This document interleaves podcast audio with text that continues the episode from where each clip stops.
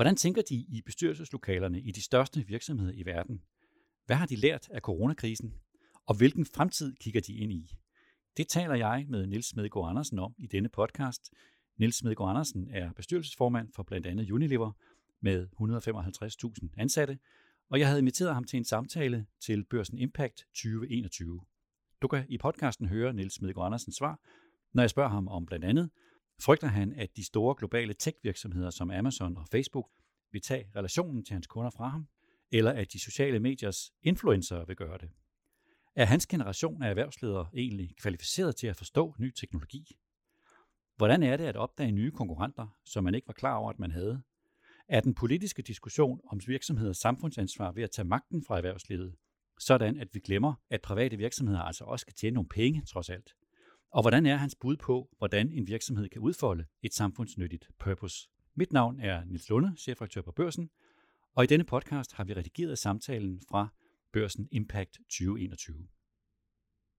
Inden vi ligesom kigger helt ind i, i fremtiden, så hører jeg dig sige, at sådan corona, øh, altså post-corona, der vil verden se noget ud ligesom den, vi kender. Altså at de langsigtede udfordringer, de vil stadigvæk være dem, vi kendte før corona. Det overrasker mig en lille smule, at er der ikke nogen veje ændringer øh, i, i vilkårene på grund af corona? Vi, vi lever jo i en verden, der er i enorm hurtig øh, forandring.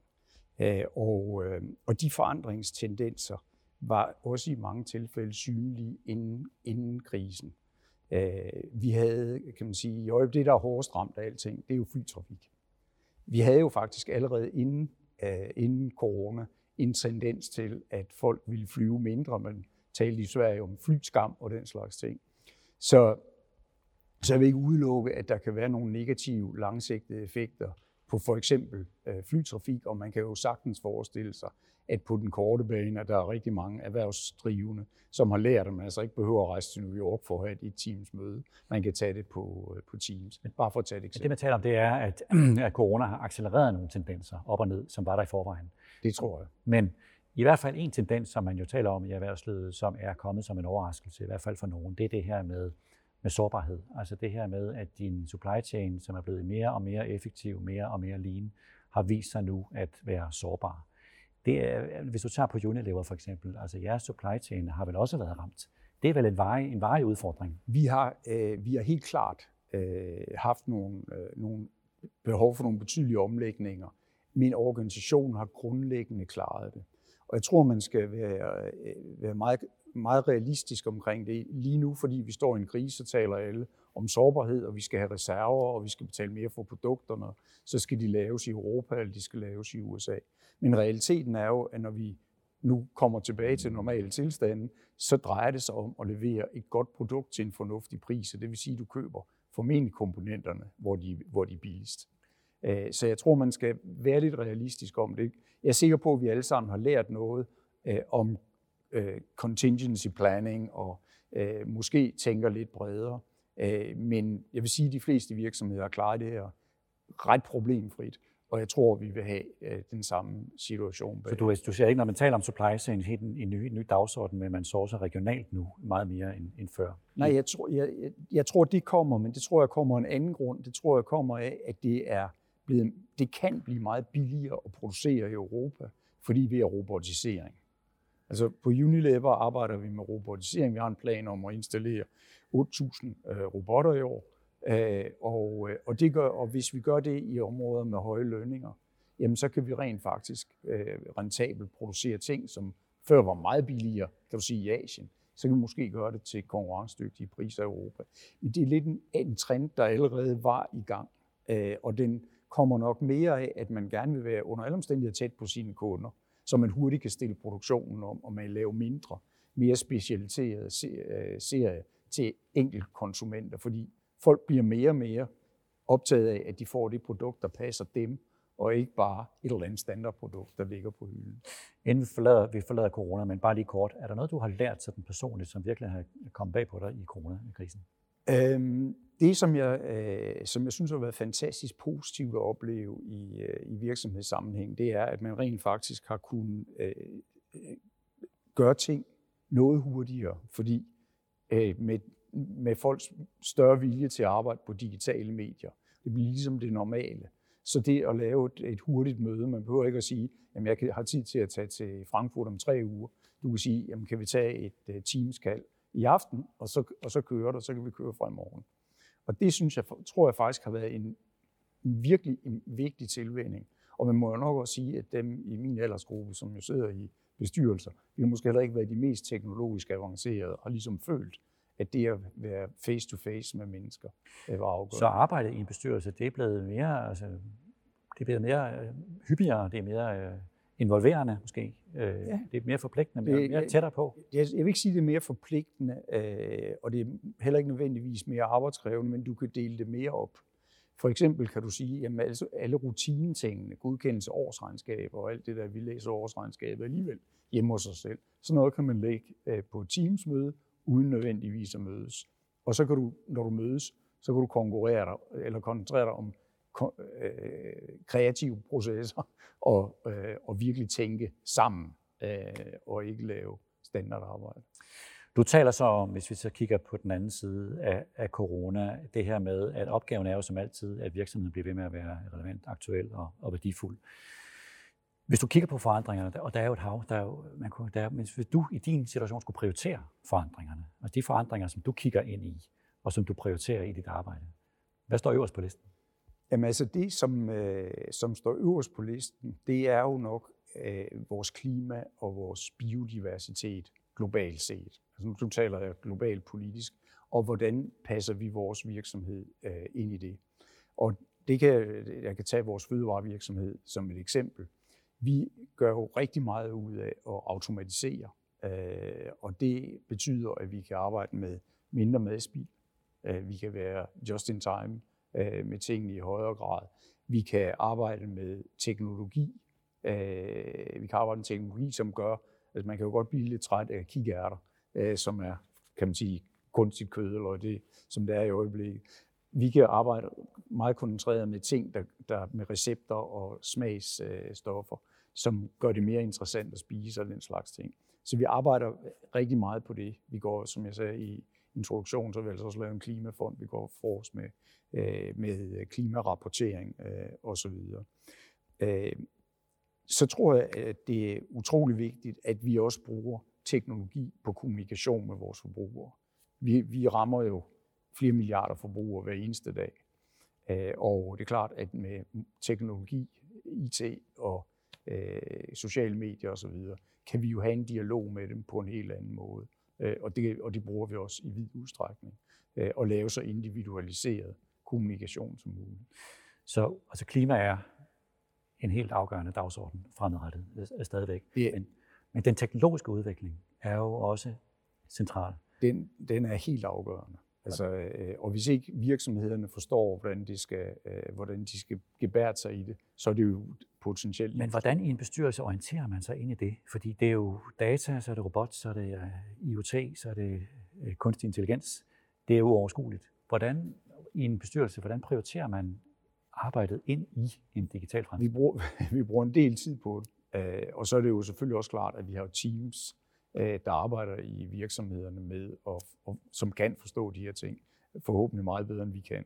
Men det er jo ikke sådan, at koncepterne er, øh, er meget komplicerede. Det er jo ikke grundlæggende konceptuelt problematisk at sige, at altså, hvis vi installerer robotter, får vi mere fleksibilitet og lavere omkostninger og kan bedre konkurrere. Og artificial intelligence er jo i virkeligheden bare at bruge meget store statistiske mængder og lave nogle, øh, eller datamængder og lave de rigtige statistiske analyser på dem, og så tage de rigtige beslutninger. Det, det er selvfølgelig kompliceret i praksis, men konceptet er ikke så kompliceret. Er du, undskyld udtrykket, og din generation, undskyld udtrykket, kvalificeret til at tale med teknologisk? Eller er, er, er, det, er det en ny dagsorden, der gør, at, at man overhovedet fagligt kan følge med? Jeg tror, det som, som sagt, så synes jeg jo ikke, det er jo ikke konceptuelt vældig kompliceret. Men det er klart, at vi lever ikke i den hverdag typisk, hvor vi er konstant på de sociale medier, bruger 3, 4, 5 timer.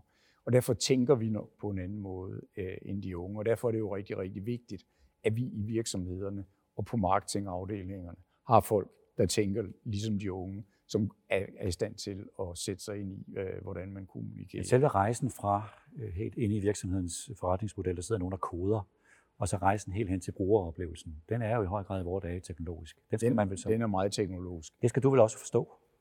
Ja, jeg ved ikke, om man skal forstå, hvordan man koder for at sige det rent ud. Det er, jo, det er jo ikke et spørgsmål om, hvad maskinerne kan. Det er jo ligesom et spørgsmål om, hvad du som virksomhed kan gøre med det, der kommer, kommer ud af det, og se mulighederne. Men jeg tror, det er vigtigt, øh, og derfor synes jeg, det er et godt point, du har, at vi skal sørge for, at vi er unge mennesker, som er i stand til at tage beslutninger på det her, uden at skulle op og spørge øh, en, øh, en 60-årig plus øh, om, om alle mulige ting. Fordi selvfølgelig, vi forstår ikke, hvordan de unge lever. Vi forstår det måske godt, når vi læser rapporten, men vi kan jo ikke sætte os ind i det på samme måde. Så det... Du nævner også, at I får nye virksomheder. Altså jeg hører dig sige, at det er uventede konkurrenter. Altså det kan være lokalt, det kan være andre brancher. Branchen begynder at glide sammen. Hvordan oplever I det? Altså du får virksomheder, øh, du får konkurrenter, som du ikke var, var klar over, du havde. Det er, jo, det, det er et rigtig godt spørgsmål, fordi du kan sige helt overordnet, øh, så har, øh, har vi jo i dag nogle meget store spillere, der kommer ind på det teknologiske område, og som vi alle sammen er tvunget til at gå igennem på en eller anden måde. Det kan være Amazon, det kan være Google, det kan være Facebook, og de, øh, og de kvæg deres adgang til forbrugerdata, har de jo bedre data, bedre øh, analytiske muligheder end, end sikkert nogen, der opererer øh, ude på markedet. Og det gør selvfølgelig, at det er rigtig hård konkurrence for os, hvis for eksempel Amazon går ud og siger, at vi distribuerer jeres produkter. Når de så har data på, hvordan de sælger, så lancerer de konkurrenter. Det er ikke nødvendigvis meget anderledes, end det var, dengang det var, du gik via den traditionelle detaljhandel. Men det er meget voldsomt, fordi datamængderne er så store. Øh, så det er et eksempel. Et andet eksempel er jo, at øh, hvis, øh, hvis Colgate eller Centium bliver lanceret som en ny øh, tandpasta, så vil du jo øh, formode, at det er rigtig testet igennem, når alle mennesker, øh, eller der er alle sikkerhedsregler er, er på plads. Og alligevel så bliver man jo så konkurreret ud, mm, eller ikke ukonkurreret, men får konkurrence med en eller anden influencer, som stiller sig op og siger, at den her, det her vitamiddel, tand, tand affagningsmiddel er rigtig godt, ikke? og så går folk ud og køber det. Øh, fordi vores krav til, til teknologi og, og krav til kvalitet og sikkerhed er meget høje. Vi kan jo ikke tåle i Unilever, at, at emaljen falder af, når du børster med vores tænder. Eller men, vores men, men ser du for dig øh, noget ude i fremtiden måske, men alligevel, altså nu taler du om de her teknologiske platforme, vi lever vores liv igennem, og du nævner influencer, at du en dag som Unilever, så, har du ikke selv, så rører du ikke selv din kunde længere. Altså så skal du kommunikere med din kunde igennem nogle andre. Du bliver en slags underleverandør. Er det sådan et, et skrækscenarie? Ja, men det er jo faktisk den rolle, som et fast-moving consumer goods øh, firma har været i traditionelt, fordi vi har altid solgt via butikker. Men, men du kan godt prøve at komme tættere på kunden, og vi arbejder for eksempel i Indonesien og Brasilien og Indien. Der arbejder vi med, øh, med teknologiske platforme, hvor vi er dem, der, øh, der distributionen er jo små butikker ude i de små landsbyer. Der er vi dem, der har den bedste kontakt. Og der laver vi så faktisk platforme, så andre mennesker eller andre leverandører kan komme på de platforme, og vi kan hjælpe butikken med at øh, optimere sit salg.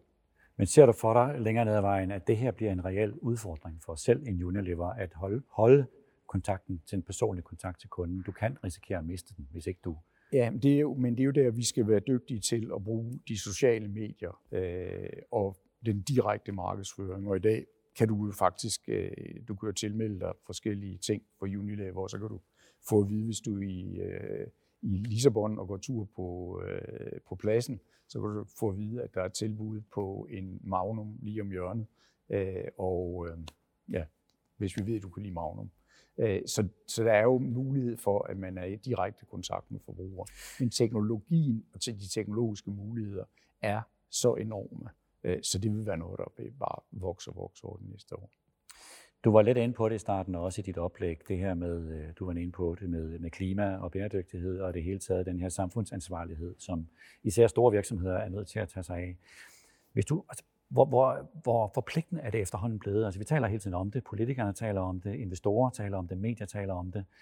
Hvor reelt er det egentlig? Altså er det nu sådan, at for, for en virksomhed, sådan set ikke kun en stor nu er det virkelig nødvendigt at være samfundsansvarlig og synliggøre sin samfundsnytte? Lad mig sige det på den måde, at Unilever har, vi har været aktiv i rigtig mange år. Vi opfatter det som en konkurrencefordel, at folk har tillid til, at vi prøver at gøre de rigtige ting. Øh, det betyder selvfølgelig også, at vi skal være rigtig opmærksomme på, at vi ikke ødelægger vores eget, øh, vores eget image ved at lave en eller anden fejl, fordi de mennesker, der køber vores produkter, er nok endnu mere aktive og endnu mere interesserede i at gøre noget for, øh, for planeten, i at sikre sig, at vi betaler gode lønninger, at der ikke sker overgreb i vores teplantager osv. osv. Så, øh, så jeg tror, svaret er ja, og det er også det nødvendige svar, fordi vi investerer så mange ressourcer i at være en, øh, en samfundsmæssig god øh, virksomhed og, og, og levere bæredygtig økonomi hele vejen rundt. Men nu kender jeg dig rigtig godt og øh, har kendt dig længe, og ved derfor, hvis der er nogen, der også tænker kommercielt, så er det også dig. Altså det der med, at der skal faktisk også være en kommersiel forretning i det her. Føler du nogle gange i den her diskussion, at det politiske, så at sige, tager magten fra, fra øh, at der også skal tjenes nogle penge simpelthen? Jamen altså, nogle gange, nogle gange i bestyrelsen, så driller vi hinanden lidt med, at vi er verdens største NGO. Men sådan er det jo ikke, altså fordi selvfølgelig gør vi det her for at sælge flere varer, men vi gør det også, fordi at vores medarbejdere kommer, kommer og arbejder hos os, fordi de gerne vil gøre noget godt i verden. Øh, vi, vi føler, at vi udretter noget godt, og vi markedsfører produkterne på god måde. Skal lige bruge to minutter på bagefter, men vi har ligesom overskriften på den måde, vi agerer på, det er, at, og nu er uh, purpose jo totalt misbrugt ord om hvilken som helst. Bør, børshandler stiller sig over og bruger det som, uh, som, uh, som sit uh, slogan. Men vi har faktisk arbejdet med det i mange år, og vi, har, vi siger, at mennesker, og dermed mener vi vores medarbejdere, der har et formål med det, de laver, de trives. Produkter, som opfylder et formål, som gør noget godt for samfundet, de vokser, og virksomhederne, virksomheder, der har et, et formål, de overlever på lang sigt. Og det er ligesom det, der guider vores øh, øh, tanke, tankegang. Og så for lige at tage et eksempel, fordi det, jeg, synes, jeg synes, det er meget sjovt at sige, hvordan markedsfører vi produkter. Og jeg tror, de fleste øh, seerne øh, i dag måske kender produktet Dove. Øh, Dove er et, øh, et stort pleje, øh, hudplejemiddel, shampoo og vaske, hvad hedder det, håndvask osv. Og det markedsfører vi ikke med professionelle modeller eller filmstjernelignende personer. Vi, har, øh, vi bruger almindelige kvinder, hvis der findes almindelige kvinder, eller almindelige mænd, øh, og så markedsfører vi det på, at alle, der er velplejet, er smukke. Og det kan man sige, ja, er det, øh, er det samfundsnyttigt eller ej? Ja, det er det, hvis man laver 35 millioner uddannelsesforløb med kvinder, der måske har problemer øh, med deres selvrespekt og siger, you're okay, og, I, og, I, øh, og vi øh, og I, I er rigtig attraktive, også selvom I vejer et par kilo for meget, eller hvad det nu ellers er, I synes går og kede af. Men, men det forstår jeg godt. Men, men bare for undskyld, men, men spørgsmålet er jo, nogle gange føler du, at den her diskussion trods alt fjerner fokus fra, at hvis det skal være rigtig bæredygtigt, så skal der altså også være kommercielt bæredygtigt. Der skal være en kommersiel forretning nedenunder. Der, der skal være en kommersiel forretning, og det tror jeg, men jeg tror bare, at hvis du driver, øh, kan man sige, dine, dine markedsføringsaktiviteter eller dine produktudviklingsaktiviteter ud fra det formål, at det her skal være godt for dine forbrugere på lang sigt, og det skal være godt for verden på lang sigt, så tror jeg, at alle parter tjener på det, og så tror jeg, at du sikrer øh, en langfristet, øh, langsigtet succes for virksomheden. Og det er også en forudsætning for at tiltrække talent? Det er en mægtig ting for at tiltrække talent, og jeg kan sige, at det er også en mægtig ting, når man skal tiltrække bestyrelsesmedlemmer, fordi det vil vi jo alle sammen rigtig gerne. Vi vil gerne være et sted, hvor vi føler, at vi leverer noget til verden, som verden har brug Men nu er Unilever jo i den angelsaksiske verden, øh, som i mine fordomme, jeg er jo fordomsfuld, øh, masser af fordomme, øh, fordi jeg er journalist. Altså, det er jo en kapitalistisk orienteret øh, verden. Betyder det der purpose noget for en hardcore bestyrelsesmedlem i angelsaksiske store virksomheder? Det gør det måske ikke for alle, øh, men det gør det for alle, der er i Unilevers bestyrelse. Og, øh, og jeg tror, det er, vi, vi har en klar profilering. Øh, og vi tror på, at øh, det er det rigtige at gøre på sigt. Øh, og det giver os en, kan man sige, en helt overordnet formål med hele virksomheden, som er nemt at tale om, som gør, at øh, regeringer øh, velkommer os, øh, når vi kommer med investeringer eller med aktiviteter. Vi har en adgang til NGO'er og kan påvirke dem. Og jeg tror, det er en rigtig god måde at, drive vores produkter succes fremadrettet. Niels Smedegaard Andersen, tiden er gået. Tusind tak. Tak fordi du lyttede med. Hvis du er interesseret i at høre chefredaktør Bjarne Korydons interview med statsminister Mette Frederiksen, også fra Børsen Impact 2021, så kan du finde den i Korydon og Co. i din foretrukne podcast-app.